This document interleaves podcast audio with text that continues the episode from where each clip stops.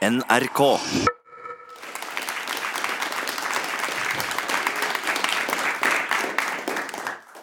Velkommen til Litteraturhuset i Bergen til en ny skandinavisk holmgang med norsken, svensken og dansken.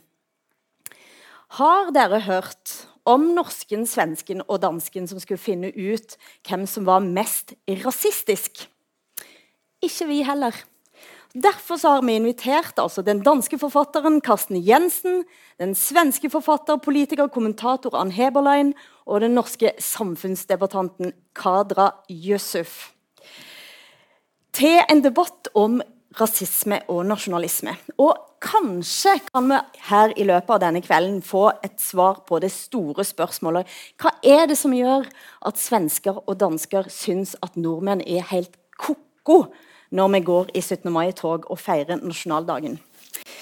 Men utgangspunktet her er at tonene har hardna kraftig til i Danmark, kanskje òg i Norge og i Sverige, og det samme har politikken. Og du, Karsten Jensen, før det svenske valget så skrev du ikke mindre enn tre kronikker i Dagens Nyheter der du advarer svensken mot å bli som danskene, og det må du forklare. Ja, fordi øh, Danmark og Sverige har jo været de to poler i Skandinavien.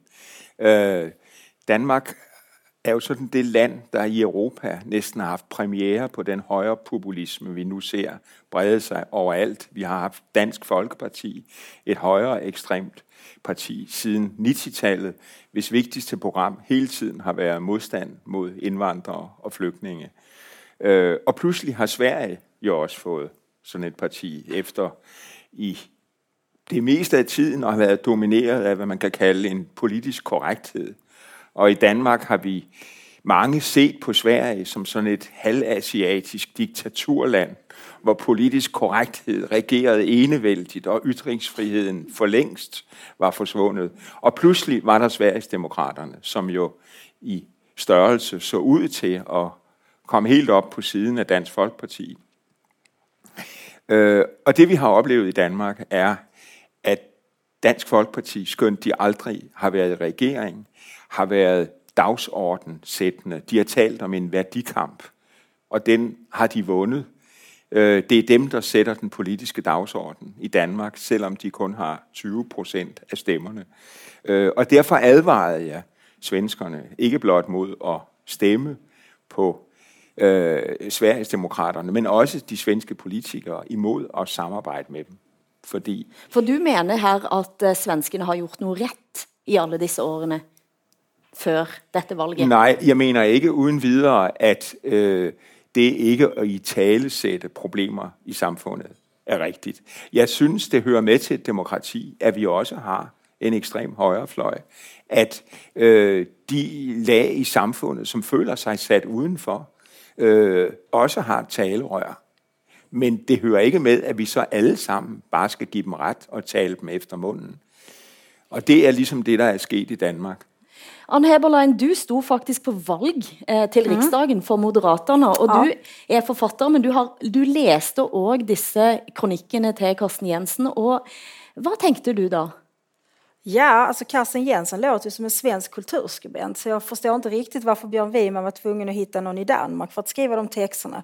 För det, den sortens texter du skriver går ju 13 på dussinet i Sverige faktiskt.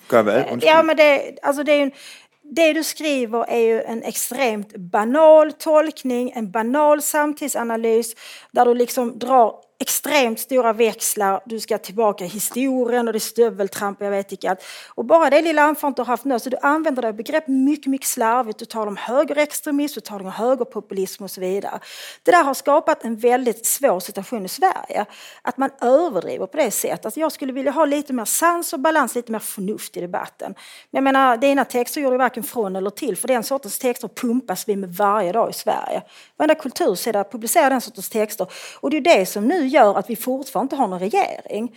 Därför politikerna i Sverige är livrädda för att överhuvudtaget sitta i samma rum som Sverigedemokrater. Det gör att vi kommer ingenstans. Det gör att vi kan inte fatta några beslut. Det behöver vi göra i Sverige idag för Sverige befinner sig i en besvärlig situation när det gäller ekonomi, när det gäller kriminalitet och så vidare. Det finns en mängd saker som vi måste ta itu med men ingenting händer. Så ja, som sagt jag tror alltså, inte de gjorde varken från eller till. Att, hvis mine tre super banale artikler øh, har ydet bare et lille bidrag til, at fortsat ingen partier i Sverige, inklusive dit eget Moderaterne, vil røre ved Sveriges demokraterne, så er jeg meget stolt mm-hmm. og synes ikke, jeg har levet forgæves. Men vad är, det, vad är det som är så viktigt? Alltså, vad är det du tycker du har gjort bra? Tycker du det är bra att ett land som Sverige befinner sig i ett status quo när vi inte kommer någonstans? Där ingen pratar. Va? Alltså, du anar inte hur politikerföraktet frodas i Sverige. Och vet du vad som händer? Det som händer är att i alla opinionsmätningar så går Sverigedemokraterna rakt uppåt. Så när vi går till extraval i vår, för det kommer vi att göra, då kommer Sverigedemokraterna vara så sjukt stora. Så då kommer inget annat parti att kunna göra någonting åt det. Och det har du bidragit till, att göra att de växer. Därför de andra partierna de sjunker. Därför väljarna tycker de är dårar som inte kan sätta sig som vuxna människor och prata med varandra. Precis så har man gjort i Sverige i flera år. Därför har Sverigedemokraterna växt. Jensen, det må du svara på. Ja, jeg tror ikke, at de er, er vokset, fordi de er blevet holdt udenfor. Nej. Jeg tror, at de er vokset, fordi der er nogle partier, som ikke har forholdt sig til en række problemer, som ikke har i talesat nogle problemer, og så er det blevet overladt til dem. Øh, og, øh, men de har ikke nogen løsninger. Det eneste, de bidrager til, Det og det ser vi i Danmark, det er en polarisering af samfundet, en splittelse af samfundet, og det er det, jeg vil advare imod. Men du lyder jo som om, at du er ked af dit eget parti. Du lyder som om, at I skal omfavne Sverigesdemokraterne for at komme videre. Menar Nej. du det, Arne Heberlein, för vi Nej, går det vidare menar och jag inte Jag sa precis att det är jag faktiskt enig med Karsten om. Att Sverigedemokraterna har inga lösningar. Sverigedemokraterna har pekat på en rad problem, men de har inga rimliga lösningar. Och där har de andra partierna gjort fel. För de andra partierna borde ställt Sverigedemokraterna till svars och säga, men hallå då, hur ska vi lösa detta? Vi borde synat deras kort, för de håller inte nämligen. Men ingen har velat prata med dem. Och därför kan de invagga väljarna i en tro att vi ser problemen och vi kan lösa det. Men det kan de inte. Deras budget fungerar inte till exempel. De har ingen rimlig försvarspolitik. Deras, alltså det, det finns stora, stora problem med Men deras hvad i politiska alverden hållning. er der så galt ved ikke at ville samarbejde med dem?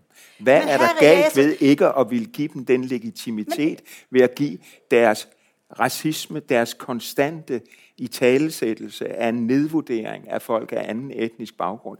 Hvorfor skal det omfavnes? Hvad er der galt ved at lægge afstand til det og Vem ikke ville pratar om røre att ved det? omfamna eller samarbeta? Det handlar bara om att få stöd så att man kan regera. Det är inget konstigt med det. Sossarna i Sverige har regerat med stöd av kommunister i decennier och det har det inte varit några problem med. Nå har jeg lyst til å hente inn Kader Yusuf. Du sitter her og lytter på denne de- debatten her over vågen mellom eh, Danmark og eh, Sverige. Vil du vel heller at Norge skal ligne mest på Sverige eller mest på Danmark? Eh, jeg vil helst at eh, Norge ikke skal ligne på noen av de. Er det lov å si Det. Eh, fordi at eh, det er jo Sverige er veldig vanskelig. Sverige er eh, Jeg har en eh, både et fantastisk forhold og jeg er livredd Sverige. Eh, da jeg var liten, så pleide vi å dra til eh, Malmö til min tante Samsam, som bodde der. Eh, og jeg husker at alle var så glad eh, i- for å dra til eh, Malmö, fordi at det var et sted der man fikk lov til å bare være seg selv. Det var liksom ikke den der insta, liksom konstante inngripen fra Eh, myndighetene, da, som eh, mine foreldre og slektninger ikke Som, de syns nordmenn brydde seg for mye. Eh, I dag så kjenner jeg at jeg er veldig, veldig glad for det. Eh, fordi at det er litt andre eh, Hva skal jeg si Det er en annen type eh, typ eh innvandringsdebatt eh, i, i Norge. Eh, og det gjør at vi kanskje bryner oss på hverandre mye oftere eh, og mye mer enn det de gjør i Sverige. Men når du hører på den diskusjonen her, som jo handler også om politikk, altså skal man holde da på en måte Sverigedemokraterne, Dansk Folkeparti, Fremskrittspartiet i Norge utenfor politiske agendaen? Det vi har gjort i Norge, er jo at vi har ansvarliggjort Frp. Eh, og eh, man har også hele tiden eh, ah, eh, tatt debattene selv. Det er ekstremt viktig at de etablerte partiene tar de vanskelige debattene. Når ingen tar de debattene, så åpner du Da bare gir du ballen gratis til eh, eh, Sverigedemokraterna. Og det er jo det som har skjedd i Sverige. Eh, at man har vært så redd for eh, å ta tak i gnisninger, eh, eh, kriminalitet, eh, kvinnesyn, kulturkrasj. at, man, at alle har sittet stille i båten, og da kommer de seilende inn og sparker ballen rett i mål. Men Karsten Jensen, gjør man ikke noe rett med å rett og slett kalle en spade for en spade? Jo, hvis det er det, man gør. Men hvis man frakender en del af befolkningen, og for nu at sætte præcis navn og adresse på, så er det altid muslimerne, som der i Danmark er cirka gør, udgøres 5% af befolkningen af muslimer. Hvis de bliver fremstillet konstant som nogen, der ikke hører hjemme hos os, som er mindreværdige, dogne, snylteragtige, øh, som står i vejen for et ordentligt fungerende Danmark, som er skyld i de fleste af vores problemer, som er en belastning, der burde sendes hjem, så er det ikke at kalde en spade for en spade, så er det at demonisere og generalisere på en måde, der støder de der mennesker væk, så de aldrig bliver det, vi gerne vil have dem til at blive, nemlig at integrere. Men i, men Sverige så har, nei, i Danmark så har man det gjort det motsatt. At man har latt det gå veldig langt, og så plutselig våkna danskene, og så bare hamrer de på. Så der er det jo ikke noen nyanser i det hele tatt. Enten så er det gettobyer, eller så er det liksom folk som ikke eh, bryr seg i det hele tatt. Sånn at der har du liksom motsatsen til at det går for gærent. Jeg mener jo at nå sitter jeg her som en sånn derre Vi i Norge sitter med fasiten. eh, og det er jo ikke meningen, men jeg, tro, jeg tror at eh, problemet er at man ikke eh, at, eh, jeg, jeg leser danske aviser, og jeg syns selvfølgelig at debatten er for hard. Men i boka di så opplever jeg Og det er at en du bok her som nylig kom ut, som heter 'Kjellermennesker', der du beskriver da den danske debatten. Og det var litt oppspark til disse tre kronikkene, bare for å skyte det inn for de som hører på. Eh, I boka di så eh, er du jo veldig, veldig opptatt av eh, eh, hvordan eh, muslimer blir stemplet i Danmark. Eh, og det er jo helt hårreisende. Men samtidig så uh, syns jeg på en måte at du sitter litt i det, det du peker på med, med eh, Sverigedemokraterna. At du heller sitter ikke med noe fasit eller løsninger på hvordan eh, La meg si det sånn. Jeg opplever ikke at boka di bidrar til noe positivt i den polariseringssituasjonen vi er i i dag, der alle bare står i harde fronter.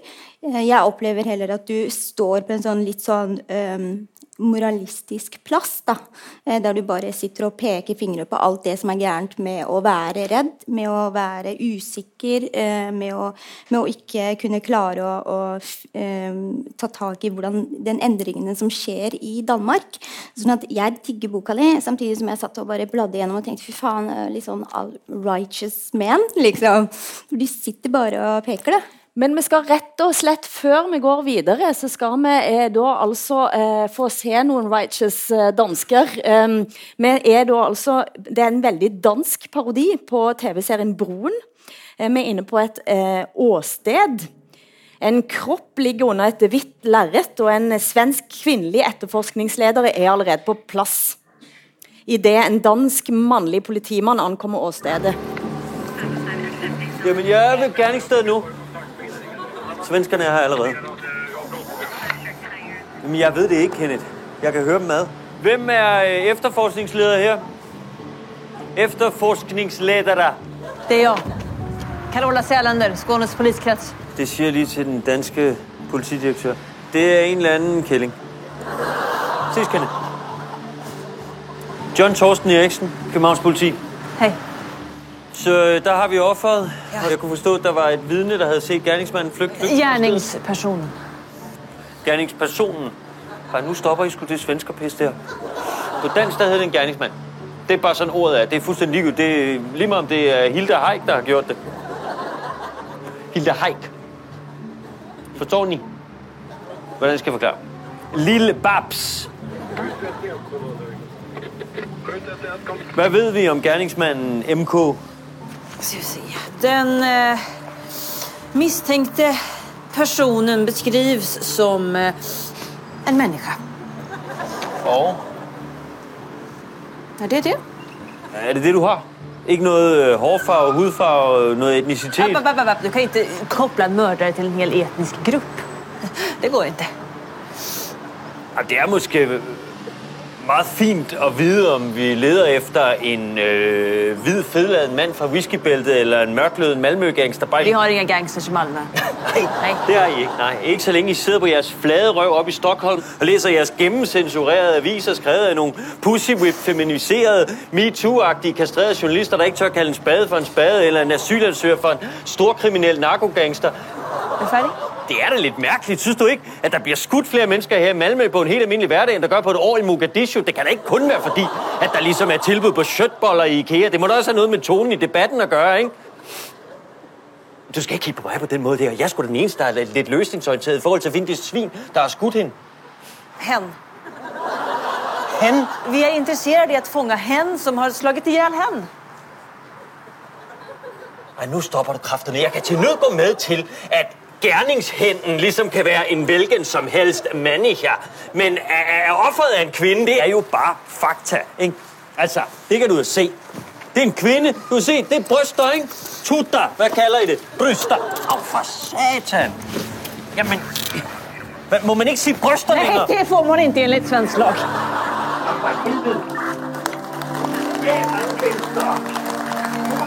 Og dette var altså en parodi, bare for å si det sånn, en sketsj med eh, Jonathan Spang. Og Anne Eberlein, du, du lo litt oppgitt der, synes jeg jeg kunne, kunne se. Eh, hvor tett på sannheten är Jonathan Spang eh, här? Det är tillräckligt eh, tätt på sannheten för att det ska vara roligt helt enkelt. Du syns inte det. det var så morsomt?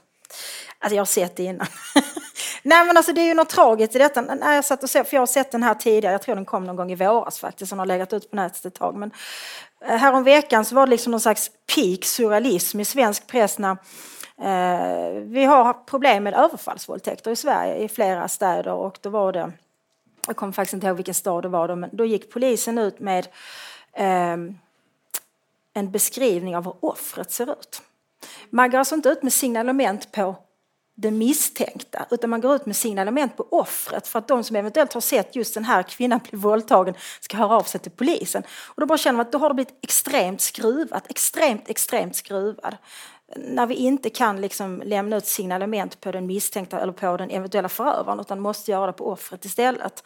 Eh, och det, det fångar ju den här lite. Sen är det ju också att i Sverige så har ju all diskussion som är kopplad till migration, integration som hedersetik och eh, parallella samhällen och så vidare. Det har varit väldigt svårt att tala om.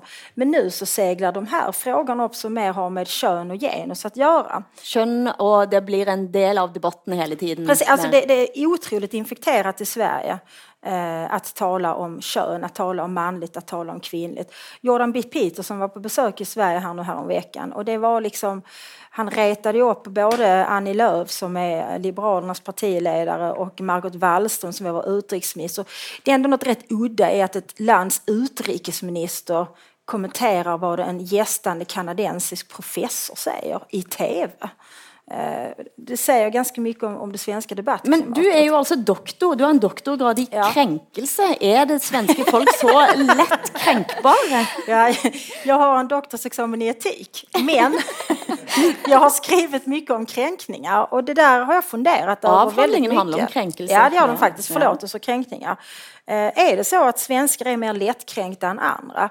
Jag har en finsk väninna och hon sa vid något tillfälle, jag förstår inte, ni är kränkta hela tiden i Sverige. I Finland är vi inte kränkta, vi är förnärmade. Jag vet inte hur det är, nu har vi ingen finsk här tyvärr, men jag vet inte hur det är i, i Norge och Danmark. Men min känsla är att Många människor i Sverige de letar efter anledningar att känna sig just kränkta och förfördelade.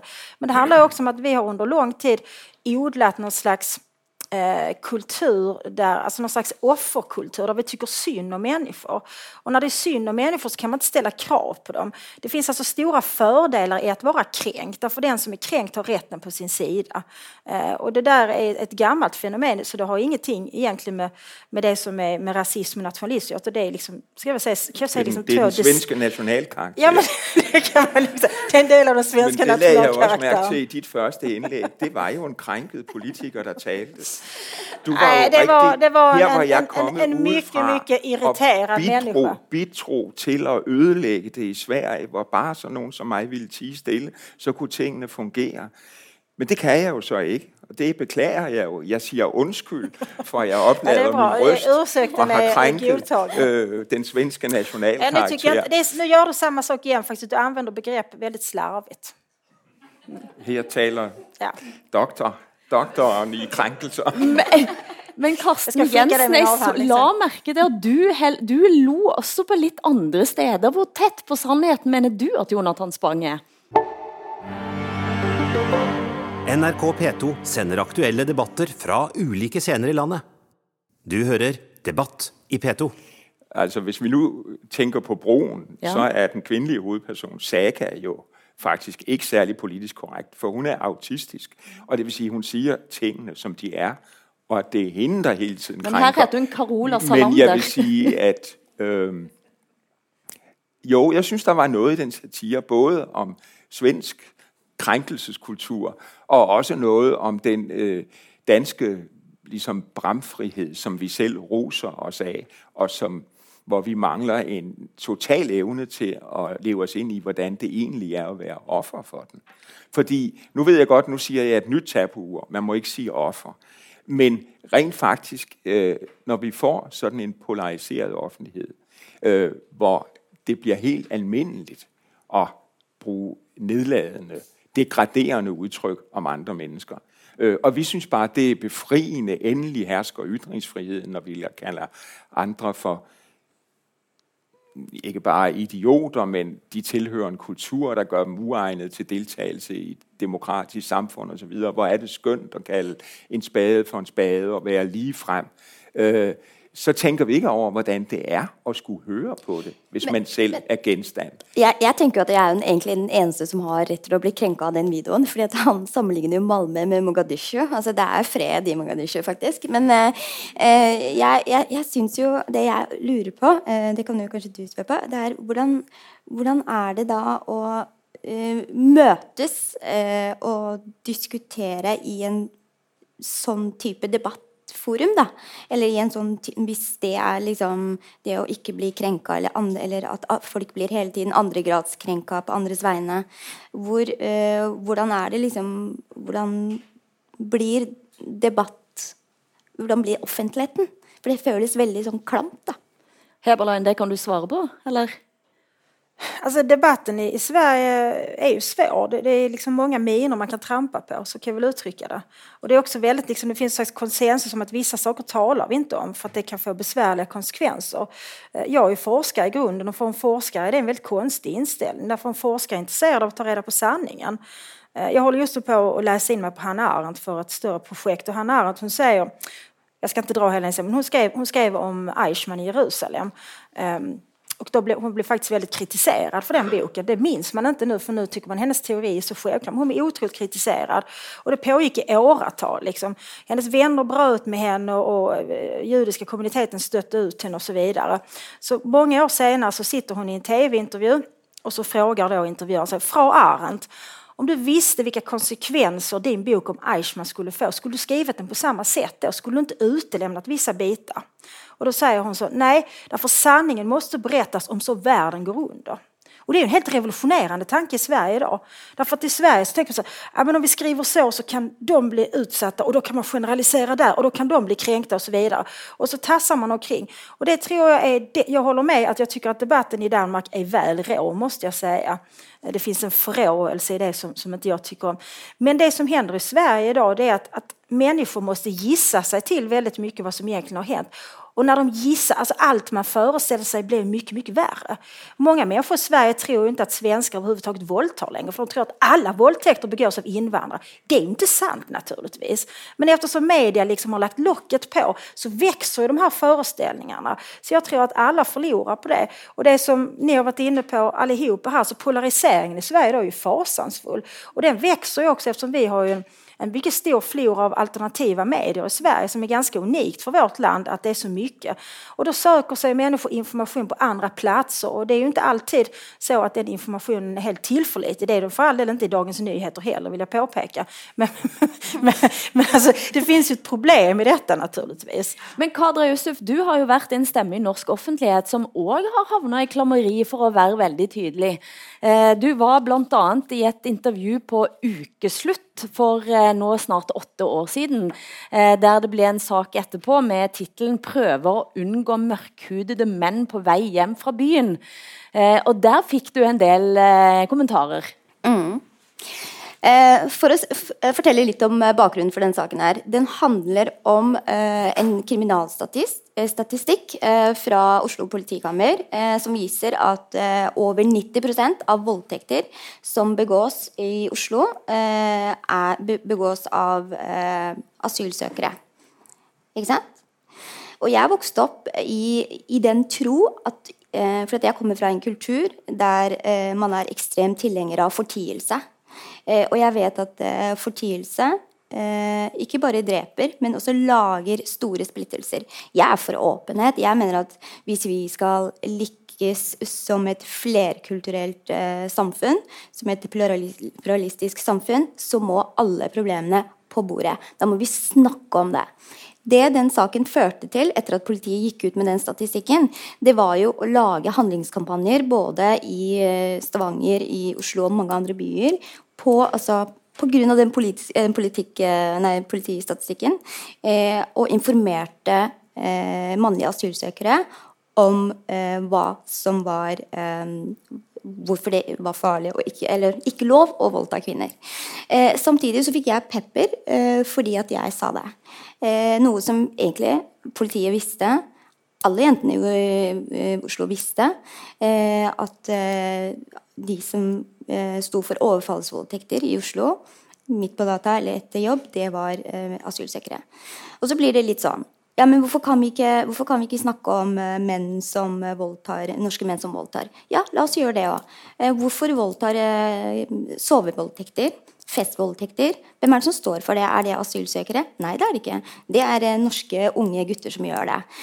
Problemet er at det, det ene utelukker ikke det andre. Da. Så Der er jeg enig med, eh, med Blen. At, eh, jeg mener at alle steiner skal snus. Og det handler ikke om å eh, ta en spade. Det handler egentlig om å eh, møtes og brytes på hverandre hver eneste dag. Og da må vi tåle sannheten av alle sider i vårt samfunn. Det er bare da vi kan sammen løse problemer. da. Eh, jeg har ikke noe det, det, Når alle visste at det var veldig mange menn med minoritetsbakgrunn som voldtok Oslo, så, gjorde, så stempla man jo alle minoritetsmenn istedenfor å ta tak i de det gjaldt, eh, og komme med tiltak. Og sånn, sånn type åpen samfunn vil jeg gjerne være med på.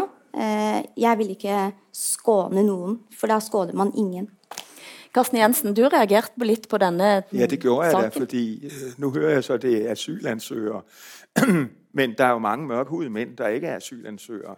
Det er jo en total generalisering. Jeg syns det er som å høre en fra Dansk Folkeparti tale om øh, lige præcis mørkhudede. Jeg synes, du falder ind i en jargon, som du burde holde dig fra, og det kan være, at mediet har misbrugt det og brugt det i en overskrift, det skal jeg ikke kunne sige. Men ellers synes jeg, du taler nøjagtigt som en racistisk højre ekstremist her. Kan du scrolle øh, lidt ned? Nej, det vil jeg gerne altså, uddybe. Hvis nu overskriften havde været, øh, prøv at undgå mænd med lyst hår og blå øjne på vej hjem, så kunne hver høre, hvor grotesk det er. Ja, der er også norske mænd, der kan finde på at være voldelige eller, det vil jeg gjerne svare på det. Jeg har, jeg har en, jeg har en uh, tenåringsdatter uh, som uh, begynner å dra på fester, f.eks., og, og møte gutter. Hva er det jeg sier til henne da? Jo, jeg sier til henne akkurat det samme som jeg eh, ville sagt til henne ellers. Jeg sier til henne skal du på fest, hvem er det som er der?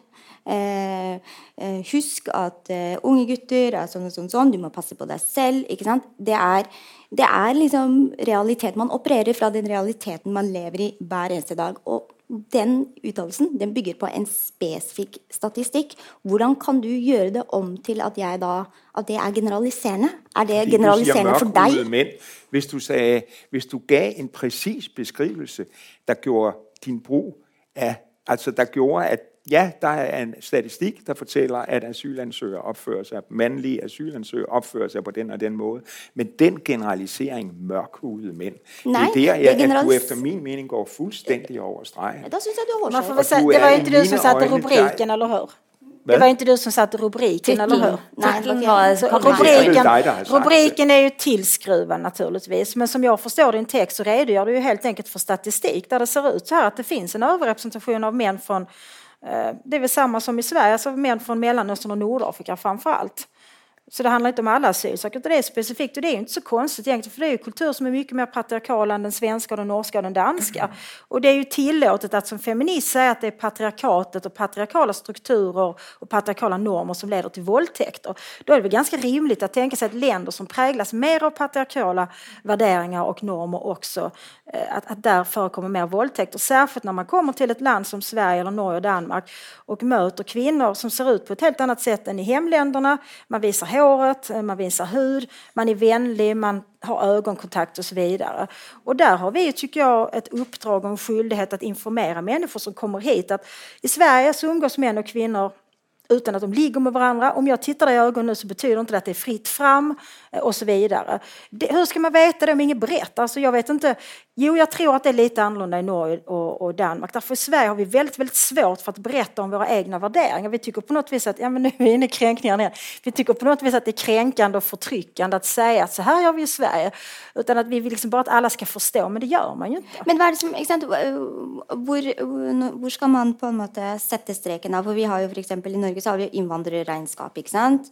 Eh, på eh, Brochmann-utvalget, som på en måte regner ut hvem som går på Som en, en offentlig utredning. en offentlig utredning. Eh, og så har man liksom statistikker på hvilken gruppe befolkning som enten går på eh, Som ligger lavest på arbeidsdeltakelse, eh, hvor folk bor, osv. osv. Eh, og det gjør man jo ikke for å henge ut eller krenke folk. Det, man gjør jo det for å sette inn tiltak og for å på en måte kunne liksom, se for oss eh, hvordan eh, samfunnet skal være i morgen. Jeg, jeg er litt sånn i, hva hva er din drømmesamfunn, da? Hvordan skulle man ha Jensen, tatt du kan få svare kort på det før vi går videre til neste tema.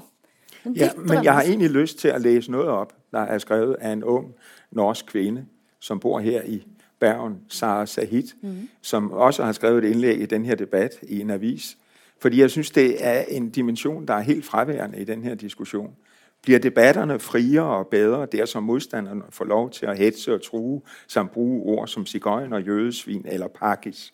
Hadefulde ytringer som muslimdjævel eller øh, nære er blevet, vanlige, er blevet vanlige i den norske kommentarfelt.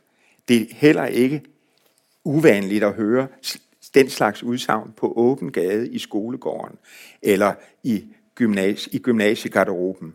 For nogen af dette, af de, dette ord udtryk, som man ikke oplever på kroppen selv. For racismens ofre derimod er dette en virkelighed. Det kan gå, her står der, det kan gå hårdt ud over ens hverdag og psykiske helse. Det er et debatklima, som jeg gerne vil undsige. Og ja, jeg synes også, at vi skal have debatter, åbne debatter og faktaer, men vi skal have det uden den konstant insinuerende kontekst. Og vi skal også forstå, at det vi først og fremmest har gjort med indvandrere i alle tre lande, men meget tydeligt i Danmark, og jeg er sikker på også i Norge, det er, at vi har reduceret dem til en etnisk underklasse. Øh, og de opfører sig meget ofte, som underklassen gør. De identificerer sig ikke med samfundet og systemet. De prøver at overleve fra dag til dag med de midler, de nu har. Øh, og vi ved alle sammen, hvis, hvis det her nu var i Danmark, somalier, I skal høre, hvad de siger om somalier i Danmark. De generaliseringer, der er. Hvis du optrådte i debatten i Danmark, så vil du blive udnævnt til en undtagelse. Hvordan føles det egentlig, at hvis man er et fornuftigt, velargumenteret menneske, nå jamen, så er det på trods af ens etniske baggrund. Vi skal altså rett, for rett under rasismediskusjonen så er ulmer det en annen debatt, den om nasjonalstatens grenser, og i sin ytterste konsekvens høyrenasjonalisme. nasjonalisme. Men vad är det alltså då som får danskar och svenskar att få så djupa rynker i pannan varje gång norrmän vifter med flagg och spiser pölser och synger Ja, vi elsker och ser ut som att vi menar det? Vi kan höra lite grann om eh, det den svenska nationaldagen. Eh, Robert Aschberg här på Aftonbladet TV som snackar med en svensk pastor som helst vill skriva om den svenska nationalsången. God morgon Karin. God morgon. God morgon. Vad är det med andra versen här i nationalsången som du inte gillar? Ja, den, den känns ju lite förlegad tycker jag. Som jag sa, den, den är lite imperialistisk när Sverige som stormakt som sätter sin prägel på hela världen på något vis. Ja, du, du tronar på minnen från fornsam Ja. ära att ditt namn flög över jorden, ja. Just. Och jag Nej. tycker att som, som Sverige har utvecklats så skulle man kunna ha en vers som tar lite mera hänsyn till hur det ser ut idag. Du, ska vi titta, vi tittar på andra versen här. Eh, Det här är alltså, det här är alltså Karins, din, ditt förslag. Du, du bär våra minnen, vår framtid, vårt nu, var vi än har rötter här på jorden. Ja, Var Sverige... än vi har rötter här på Ja, just det. Förlåt mig. Men Jag, jag är så ovan att sjunga just den här versen. Ja, Sverige, du sköna, vårt fosterland är du och jag vill leva, jag vill bo i Norden, inte dö då. Nej. Ja, ja. Jag tänker det att, eh, att människor nu för tiden är inte så statiska. Vi bor inte hela tiden i, på samma ställe och på samma land. Utan det här, den, här är, den här är öppnare på många sätt. Tror du inte att du kommer få, eller, du kommer ha väcka debatt tror du, att du vill ändra den här andra versen? Ja, ja, det är klart att det väcker debatt. Det är ju det är många människor som inte vill ändra på någonting här i världen. Och jag vet inte, jag, jag tänker mest att det här kan vara ett alternativ för sådana som, som Ja. vill sjunga på ett annat sätt. Ja, dette var da altså den nasjonale storhetsmakten Sverige, Karsten Jensen. Men du mener at nordmenn er hakk i hæl her? Nej, altså når jeg tænker på den norske nationalfølelse, så tænker jeg på et øh, citat af den norske sociolog Thomas Hylland Eriksen, der sagde, at der er nok kun en anden nation i verden, der fejrer sin nationaldag med samme ihærdighed som Norge, og det er Nordkorea. Og så udtrykte han sin lettelse over, at der kun er 4 millioner mennesker, Norge, 4 millioner nordmænd på jorden, og ikke 400 millioner, for så ville verden se meget anderledes ud. Øh, men det, jeg især lægger mærke til ved det indslag, udover de små ændringer, synes jeg i og for sig rimeligt øh, nutidige, sympatiske ændringer i nationalsangen, det er jo, at den kvindelige pastor optræder i nationaldragt. Det er jo nok det, der på en udlænding virker allermest bizart, eksotisk øh, ved nordmænd. Det er jo jeres kærlighed til de der dyre nationaldragter, som I tager på ved en hver lejlighed. Øh, og det gør, at jeg altid har følt, at der er noget meget sødt og fuldkommen harmløst over den norske nationalisme. Jeg vurderte å stille i bunad her i dag. Hvad siger du? Jeg vurderte å stille i folkedrakten her Ja, i det dag. skuffede mig meget, at du ikke gjorde det. Kadra? Nei, altså, eh, jeg tror eh, 17. mai er vel egentlig den mest inkluderende dagen i Norge. Eh, og man, eh, jeg tror innvandrere generelt og minoriteter generelt er veldig glad i den dagen.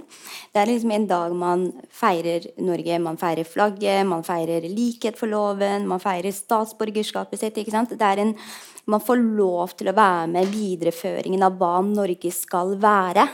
Eh, og jeg tenker at det er en veldig, veldig fin ting. Og jeg, den, det er en inkluderende dag. Eh, I motsetning til f.eks. julaften eller hva det måtte være. så er liksom det, Da er alle samlet, og da er vi enige om at Norge er et fint land. Eh, her skal alle leve og bo, og her skal alle delta og være, bli likt behandla. Så jeg, jeg syns eh, jeg syns det er en fin dag. Den bunaden, den jeg, skjønner- I feel you.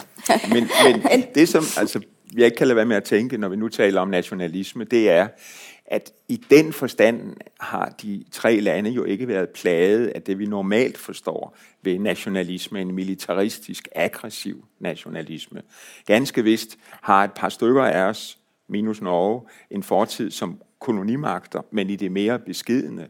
Øh, og det, der jo især præger Danmarks selvforståelse, det er jo det traumatiserende nederlag til Tyskland. Øh, det er 1864. naboskabet til øh, Europas mest aggressive nationalistiske nation. Vi har altid levet med en angst for at blive slut, slugt af monstre sydpå. Og jeg tror også, det er det, der gør, at, at øh, selvom jeg mener, at de fleste nationale værdier i Danmark faktisk meget heldigt falder sammen med demokratiske værdier, øh, så har vi en angst for invasion. Og det er også den angst, der dikterer, at vi har det svært med indvandrere. NRK P2 sender aktuelle debatter fra ulike scener i landet. Du hører Debatt i P2. Noe av en viktig nasjonal institusjon i både Norge, Sverige og Danmark er jo Rikskringkastingen, eller Public Service, som det heter i Danmark og, og, og Sverige. Eh, og vi skal se litt mer på mediene sin tolkning både av rasisme, men også av nasjonalisme. Og vi har leter da altså fram til et klipp fra den gangen en fremdeles trodde da, at TV kunne brukes som en moralsk oppdrager. Det er det norske ungdomsprogrammet Midt i smøret, som ble også sendt hver eneste lørdag i sikkert 20 år. Eh, og vi skal se et utdrag fra deres temasending om rasisme. Og hvis, hvis, dette skulle gå på svensk radio, så vil jeg altså understreke at norsken, svensken og dansken på forhånd vil ta avstand fra en del av synspunktene og en del av innzoomingene som, som vil eh, komme fram i dette innslaget.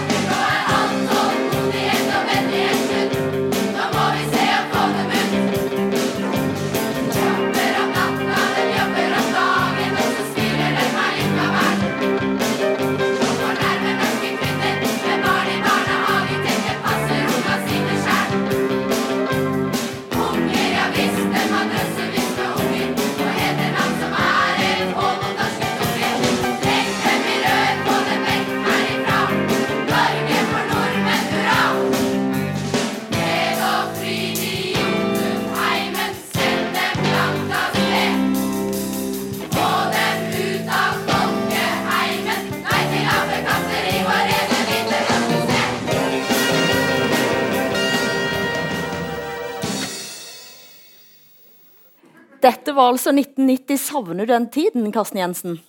Der TV kunne være sånn som dette?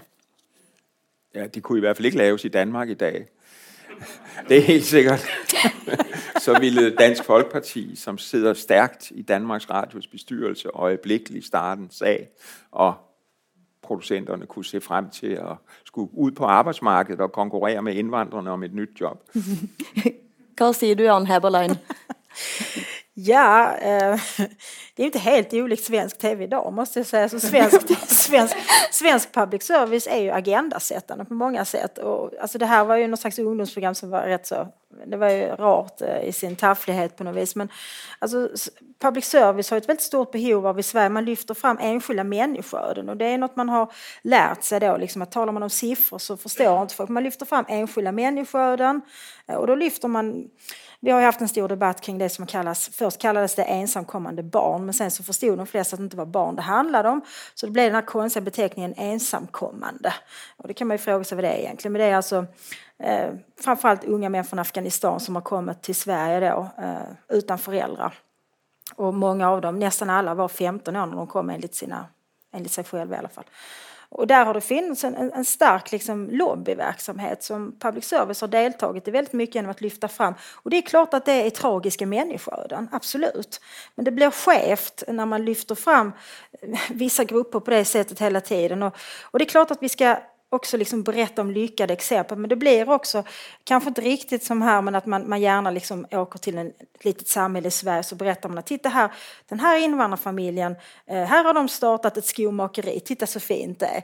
Och, och det är ju sant, det är ju så, men samtidigt är det också så att det tar i genomsnitt åtta år för en nyanländ eh, att komma i arbete i Sverige. Och att man har kommit i arbete efter åtta år, det betyder inte att man har ett heltidsarbete. Det handlar om att man har minst fyra timmars sysselsättning i veckan. Och vad sysselsättning är, det är väldigt diffust. Så det finns ju ändå liksom den här tendensen i svensk public service att man det är inte så att man ljuger eller hittar på, men man lyfter fram saker som kanske inte är direkt eh, representativt. Så kan jag väl uttrycka det. Hva sier du, Kadra Yusuf? Du jobber jo nå i NRK, men har denne type innslag har det vært en styrke, eller har det svekket debatten, tror du? Altså, den som smørøye? Eh, nei, det er jo ment for ungdommer, så absolutt styrka. Mm. Styrka saken? Ja. Mm. Men hva rolle har eh, altså Dette var jo også med på å bidra til at NRK i noen år ble kalt for ARK, mm. Arbeiderpartiets rikskringkasting.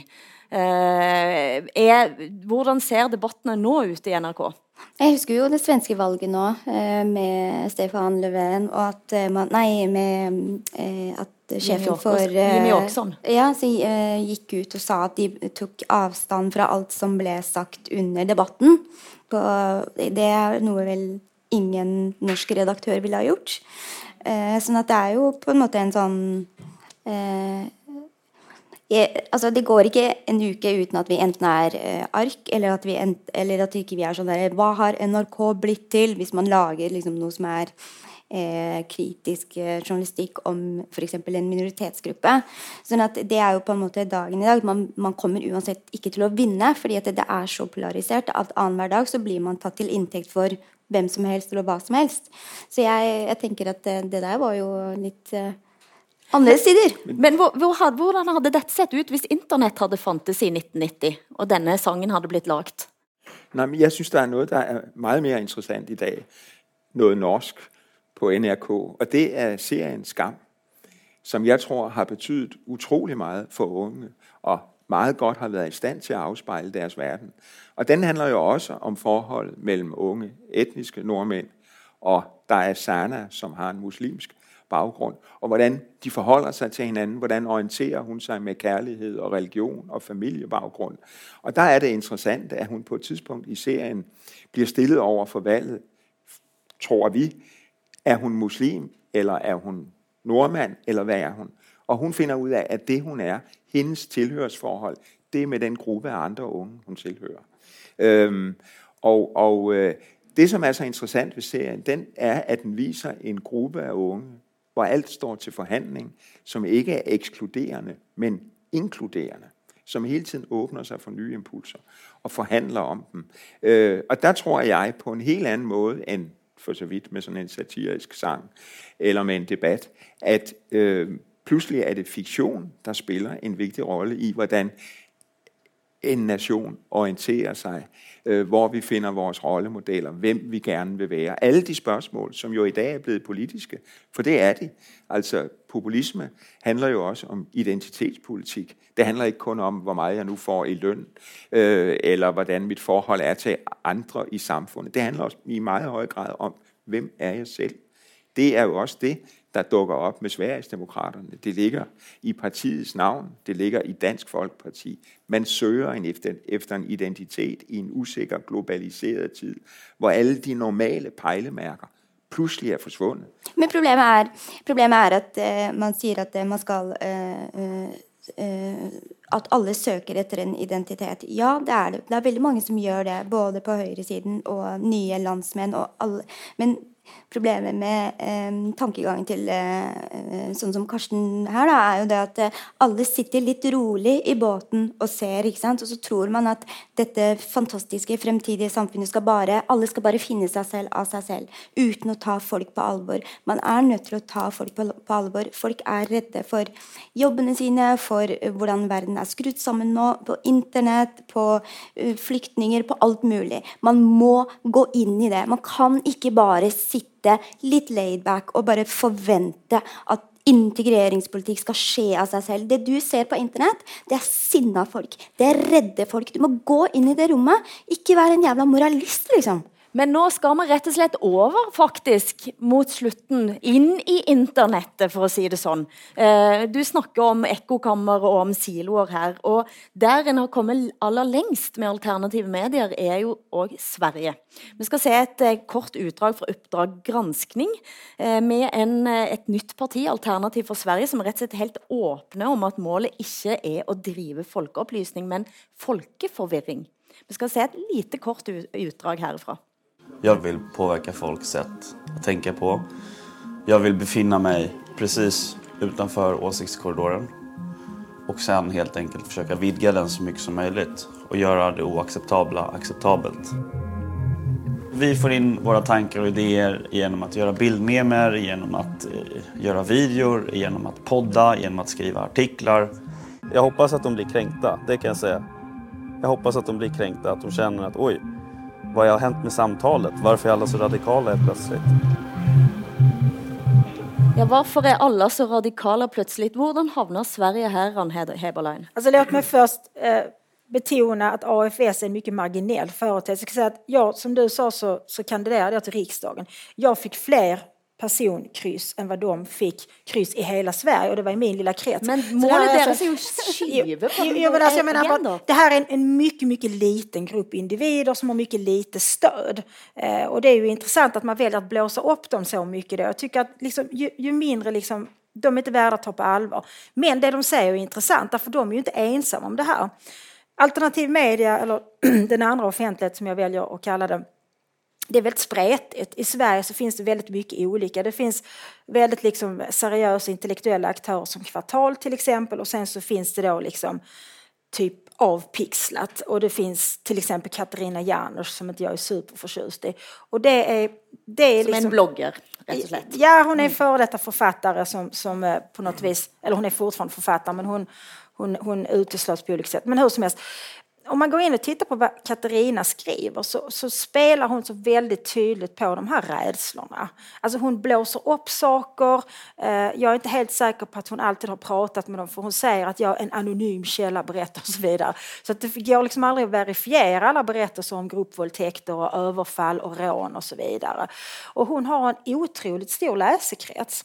Och visst, som du säger, jag håller med dig helt. Det är klart vi måste ta människors rädsla på allvar. För det som händer när vi inte tar människors rädsla på allvar, det är att de söker sig någon annanstans. Då söker de sig till de här liksom personerna som är en slags fearmongers, som tar vara på deras rädsla, som också slår mynt av det på olika sätt. Antingen politiskt eller ekonomiskt.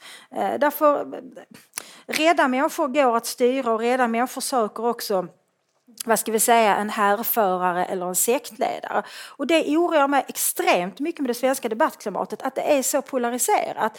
Att det finns nästan ingenting här emellan, antingen är det där eller så är det där. Men det måste finnas en massa här emellan också. Och det är svårt att kunna mötas för att Sverige har också utvecklats till att bli väldigt separatistiskt. Att människor vill inte mötas i debatt, människor tackar nej. När ska hon vara i studien tänker inte jag komma dit. När honom vägrar jag prata med och så vidare. Och det gör att då kan man ju sitta där liksom i varsin bubbla eller ekokammare och skrika till varandra. Och det minner mig om, hvorfor, kan jeg, nå må jeg bare få lov å spørre, nå har jeg en svensk her, ok? Hvorfor finnes ikke Pippi drar til sjøs på bibliotekene i Sverige lenger? Pippi drar till sjöss är inte längre på biblioteken i Sverige. Nej, det har skett. Nå, ehm, ja. Mm, det, det, är inte bara, det är inte bara den boken. Det, det, det finns eh, vad ska vi säga, det finns ett paternalistiskt drag i svensk offentlighet som gör att man känner att man måste skydda människor från vissa saker. Till exempel så måste all litteratur, jag vågar inte ens säga ordet, därför kan hända att någon i Sverige lyssnar på detta, men all litteratur där ordet som börjar på N och slutar på ER finns med, All sån litteratur är borta. Jag har en god vän som är regissör. Selv om man det ordet, då? Eller altså, hvis, man, hvis man ikke fjerner ordet, men hvis man skriver om eller så finnes fortsatt ikke boka der, da. Det er konteksten for Pippi. Vi er, vi er nødt til å begynne å, å, å komme til, sammen her på slutten, for dette begynner å bli en ganske dyster time. Men hvis vi skal male eller veve denne samfunnsveven sammen igjen Hvis jeg kan få bare en liten Hva tror du, Kadra, og hva tror du, Karsten Jensen og, og Ann Heberlein, helt avslutningsvis? Hvordan skal vi få dette sammen igjen? Sentrum. Vi må bevege oss mot sentrum eh, og bli der. Get your hands dirty. Eh, snakk med alle eh, og ta de vanskelige debattene. Ikke, ikke, ta med spade. Ta det hver eneste dag. Snakk sammen. Eh, ikke overlate til ytterpunktene. Jeg vil gjerne gå lige tilbake til innslaget her, fordi øh, en av de unge menn sier noe veldig viktig. Han sier han vil gjerne gjøre det uacceptable acceptabelt. Og det er præcis den præcis vi, præ, proces, vi er inde i. Det er skred i sprog og politik, hvor ting, vi før troede var umulige, ikke kunne siges offentligt, ikke kunne gøres offentligt, bliver sagt og gjort. Donald Trump var en joke, indtil han var præsident for USA. Og da han blev valgt, var der en nigeriansk forfatter, Kim Amanda Adichie, som nu bor i USA, og blandt andet har skrevet Americana, som sagde, at hvis vi ikke siger fra, hvis vi ikke angriber det grimme, når det stikker sit hoved frem, så bliver det grimme den nye normalitet. Og det handler ikke kun om at være moralistisk, som du anklager mig fra. For nej, det handler om også at vokse over demokratiet. Det handler ikke kun om stolt at få beskidte hænder ved at gå ud. Nej, det handler også om at kunne trække nogle linjer i sandet, så vi holder fast ved demokratiet, og alle sammen kan være Demokrati overlever hvis vi kjemper for det.